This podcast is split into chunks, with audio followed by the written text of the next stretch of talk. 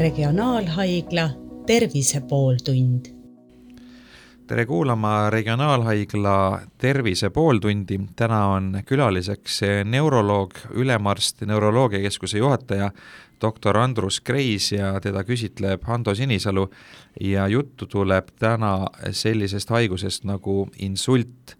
et võib-olla alustuseks äh, äh, oleks hea natukene selgitada seda, mida siis see insult täpselt endast kujutab.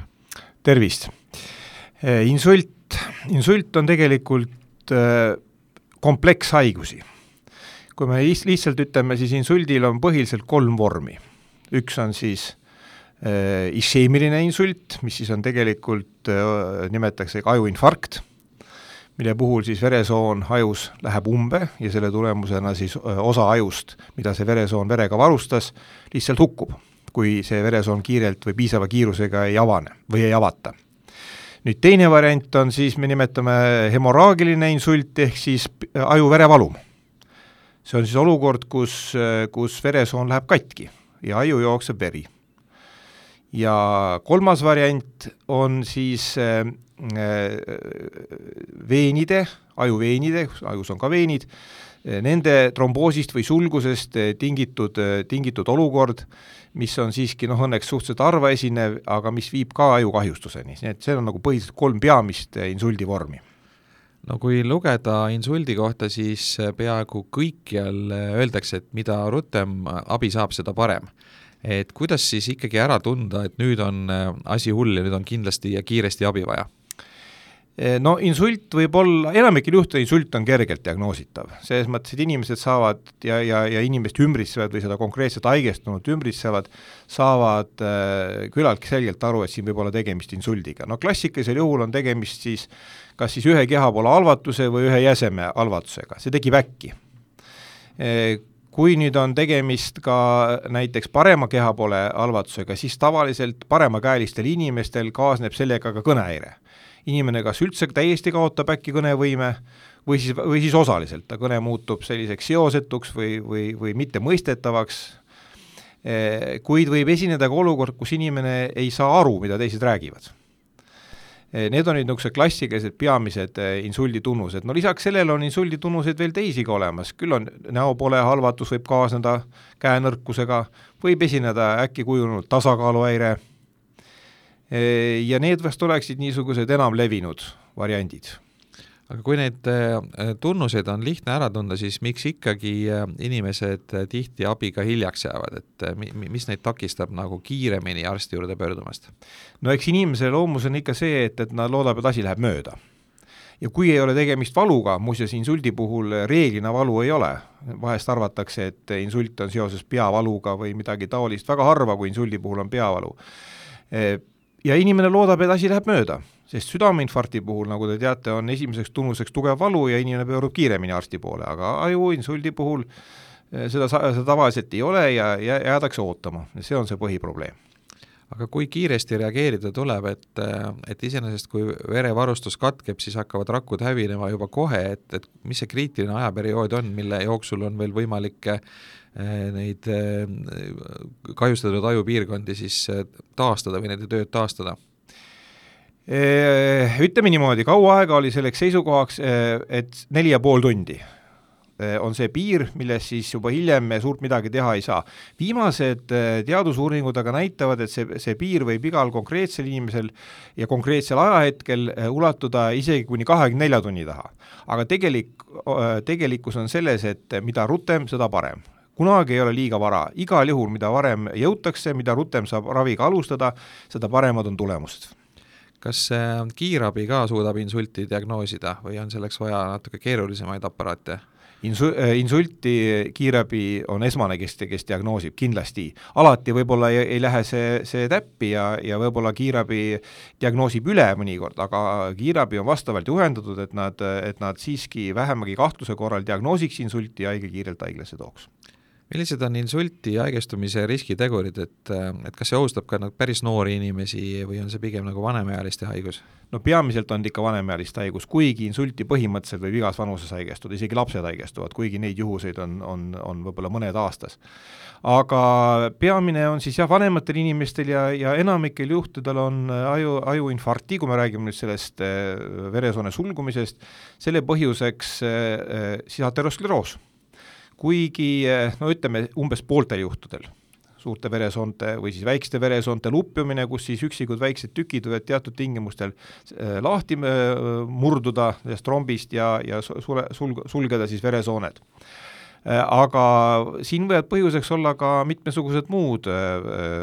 veresoone sulgust põhjustavad, põhjustavad olukorrad. noh, ütleme väga tuntud on ka teatud südamerütmihäired, kui süda on rütmist väljas, siis seal võib südames võivad tekkida trombid ja vot need trombid võivad liikuda siis aiu nii et need on nüüd ajuinfarkti põhilised riski, riskid, aga nüüd teise äh, vormis on siis selle aju-verevalumi äh, peamiseks riskiteguriks on kõrge vererõhk. Ja kui kõrge see vererõhk äh, peaks olema, et see juba tõsiselt ohustab? no tegelikult on olukord selline, et, et see vahetu vererõhu tõus võib-olla ei olegi nii väga oluline, me teame, et sportlased, kellel on tervis korras ja veresooned terved, võivad taluda küllalt kõrgeid vererõhkusid oma, oma soorituste puhul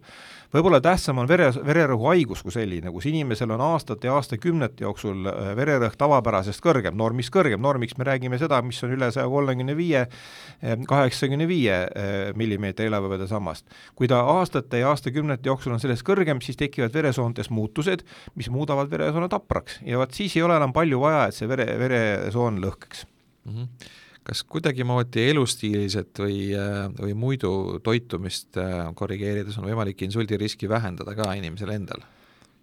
Ütleme, inimese eluviisist sõltub väga palju. me ütleme, et peamine äh, insuldi riskifaktor on suitsetamine, see on võib-olla kõige suurem risk, kui inimene saab äh, suitsetamisest loobuda või veel parem pole seda kunagi alustanud, siis tal kuni viis korda insuldi risk väheneb. nüüd eh, muudest eluviisidest võib-olla peaks, peaks rõhutama kindlasti tervislikku toitumist, eh, tegelikult on need riskid samad, mis eh, südameinfarkti puhul. peab kor-, tervislikult toituma, vältima liigset rasva, väga tähtis on liikumine. Võib-olla isegi tähtsam kui kehakaal on see, et, et inimene regulaarselt tegeleb eh, mingisuguse kehalise aktiivsusega, see ei pea olema mingi tippsport, aga vastavalt oma võimetele ja vastavalt siis oma vanusele regulaarne liikumine on erakordselt tähtis. Eh, noh, sageli küsitakse alkoholi kohta, alkoholi kohta võiks niimoodi öelda, et eh, mida vähem, seda parem. Et kui inimesed, kes alkoholi üldse ei pruugi, kindlasti oma tervist ei, sellega ei, ei ohusta, küll aga on vastupidine olukord küllalt sage eriti puudutab äh, liigne alkoholi pruukimine just seda aju-verevalumi äh, tekkimise riski. Äh, ja stress, aina rohkem muidugi viimasel ajal räägitakse psühhoemotsionaalsest või siis noh, meid ümbritsevast sellisest noh, stressist või, või pingest või ärevusest, mis ka, kui ta pikka aega kestab ja lahendust ei leia, soodustab siis insuldi tekkimist no filmides on tuttav situatsioon, kus keegi, kes saab väga halva või šokeeriva uudise, siis äh, haarab käega südamest ja kukub kokku, et kas see, kas see tegelikkuses ka niimoodi on, et sellised väga äh, väga sellised äh, äkilised emotsionaalsed pinged või, või nii-öelda halvad uudised või šokid tekitavad sellist laadi hädasid?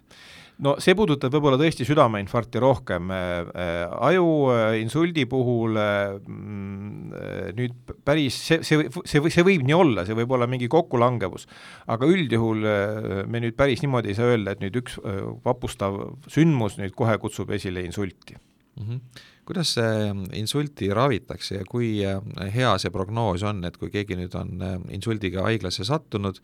siis millised on tema tervinemise võimalused? ütleme, efektiivsemalt on ravi, ravitav just see äh, ajuinfarkt, see veresoone sulgumise, äh, sulgumise tulemusena tekkiv, tekkiv insult. seda, seda esineb ka kõige enam, ütleme, see moodustab üldse insultidest seal kuskil oma, oma seitsekümmend viis, kaheksakümmend protsenti äh, sel puhul on peamiselt kaks ravivõtet. esimene on see, kus me püüame siis, kui haige piisavalt kiirelt jõuab haiglasse, teatud ravimitega, veresoones olevat trombi lõhustada, see tähendab, tegi, tehakse veenisisene süst ja see siis lõhustab trombi loodetavasti ja verevool veresoones taastub.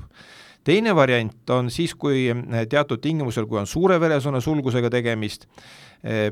püütakse see tromb sealt välja võtta nii-öelda mehaaniliselt, veresoone kaudu. Minnakse suurde reiearterisse sisse, sealt hästi peenikese sondiga liigutakse mööda veresooni kuni, kuni äh, aiu, ajuarterini, arterini, mis on siis sulgunud ja selle, sealt siis püütakse tromb eemaldada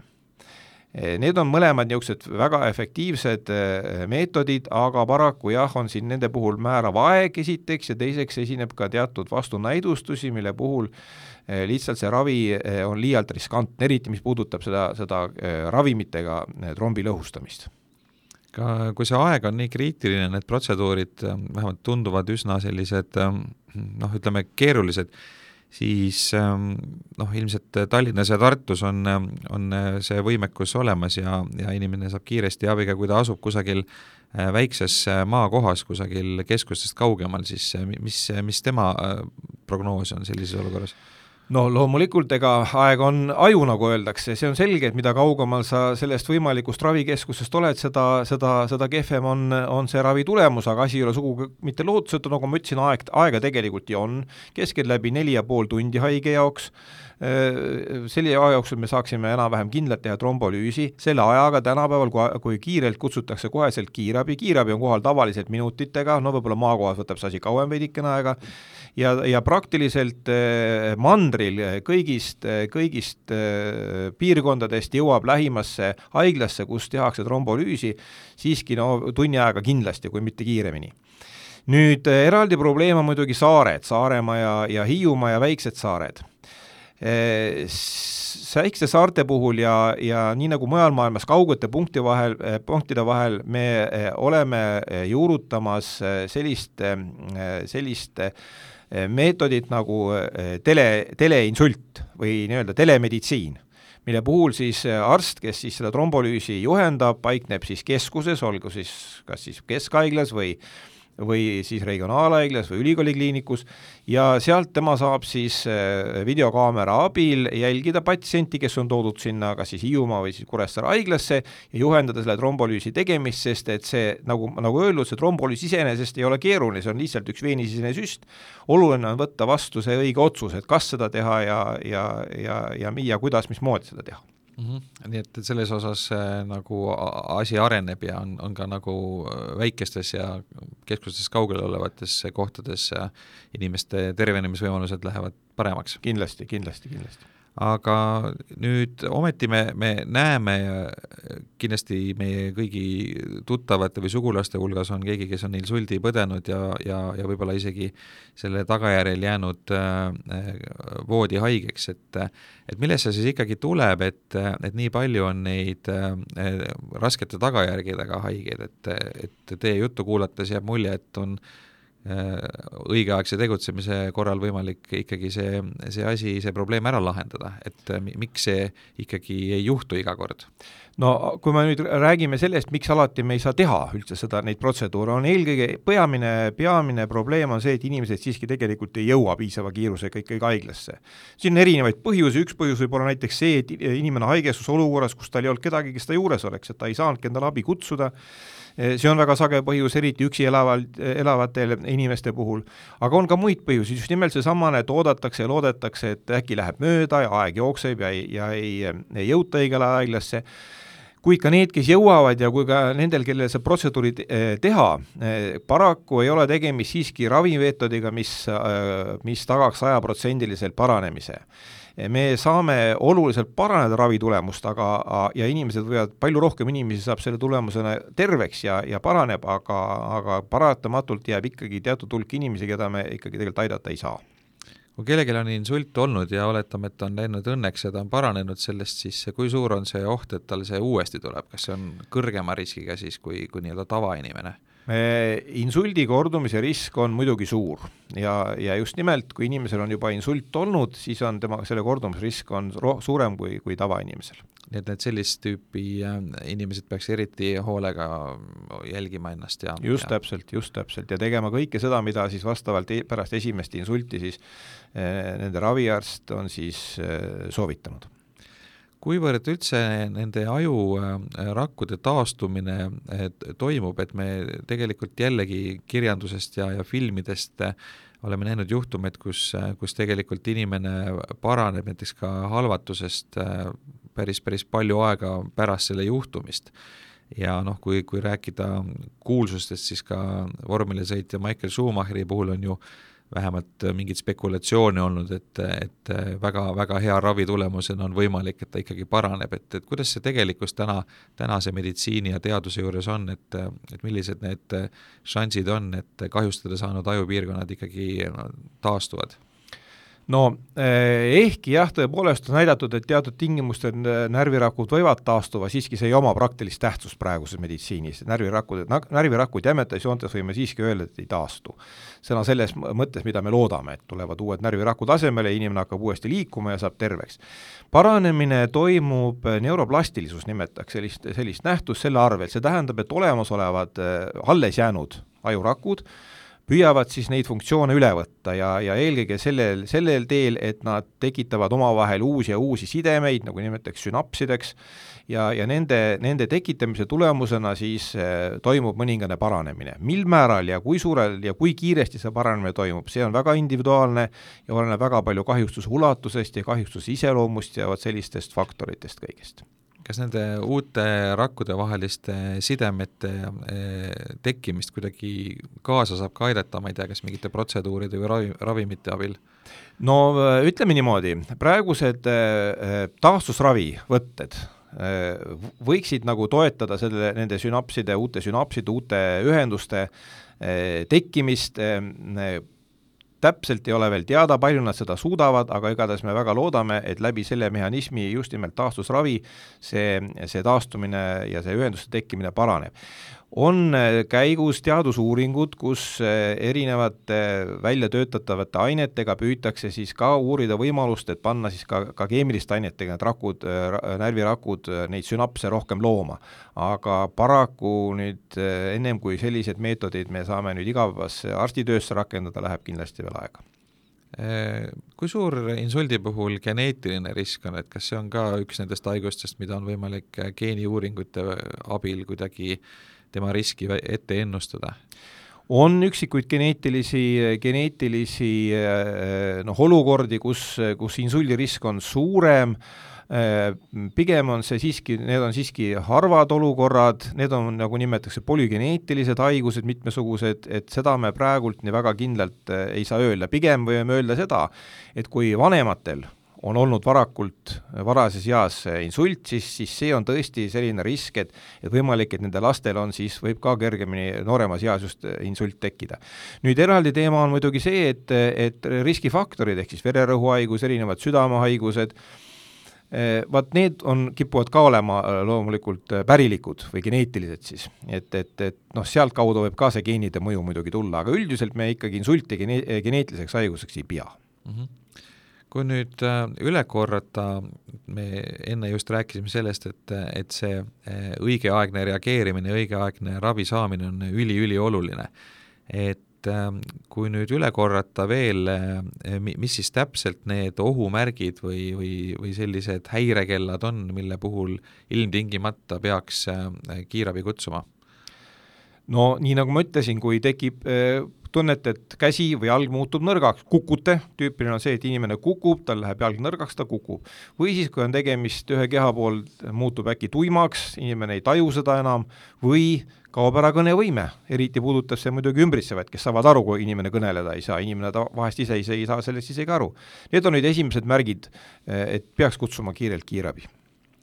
ja äh, nüüd, kui äh, sellised sümptomid on ilmnenud ja need ise ära lähevad, see tähendab seda, et on, on tekkinud insult, mis on ise kuidagi paranenud? et kas siis sellisel juhul on ka tingimata oluline arsti juurde minna? sellist olukorda nimetatakse mööduvaks verevarustushäireks ajuks, ajus. transitoorne isheemiline atakk on tema, öeldakse, meditsiiniline termin seda esineb ja mitte vähe, kus inimene siis noh, minutite või isegi tunni jooksul kõik sümptomid mööduvad ja inimene on terve, see on tõsine hoiatus, et lähemate tundide või päevade jooksul võib, võib insult nii-öelda tagasi tulla või, või, või saabuda see siis see selline olukord, kus juba see sümptomaatika mööda ei lähe, ehk teiste sõnadega, ka selline haige vajab kiirelt haiglasse kas siis pöördumist või, või ka kiirabiga toomist, et alustada kohe võtteid, et seda, et see insult nii-öelda ei tekiks kas suur füüsiline koormus, näiteks võistlusspordi tegemine ka võib kaasa tuua insuldi? Üldiselt pigem mitte, pigem mitte, sellist olukorda, nagu me näeme siin südameinfarkti puhul, sellist olukorda otseselt ikka ütleme, insuldi puhul ei, ei ole kirjeldatud. Noh, tõepoolest, kuna ma ütlesin, et füüsilise koormuse korral võib vere, vererõhk ja tavaliselt vererõhk tõusebki ja võib tõusta küllalt suurtesse väärtustena, väärtusteni, siis tõesti inimestel, kellel on, on kalduvus või oht saada ajuverevalum, nende puhul see võib muidugi tekkida aga elu näitab, et, et otsest seost me insuldi tekkel ja füüsilisel koormusel ei, ei ole näinud. aitäh, meiega vestles ähm, doktor Andrus Kreis, kes on Põhja-Eesti Regionaalhaigla neuroloog, ülemarst ja neuroloogiakeskuse juhataja ja teda küsitles äh, Ando Sinisalu, aitäh kuulamast! regionaalhaigla Tervise pooltund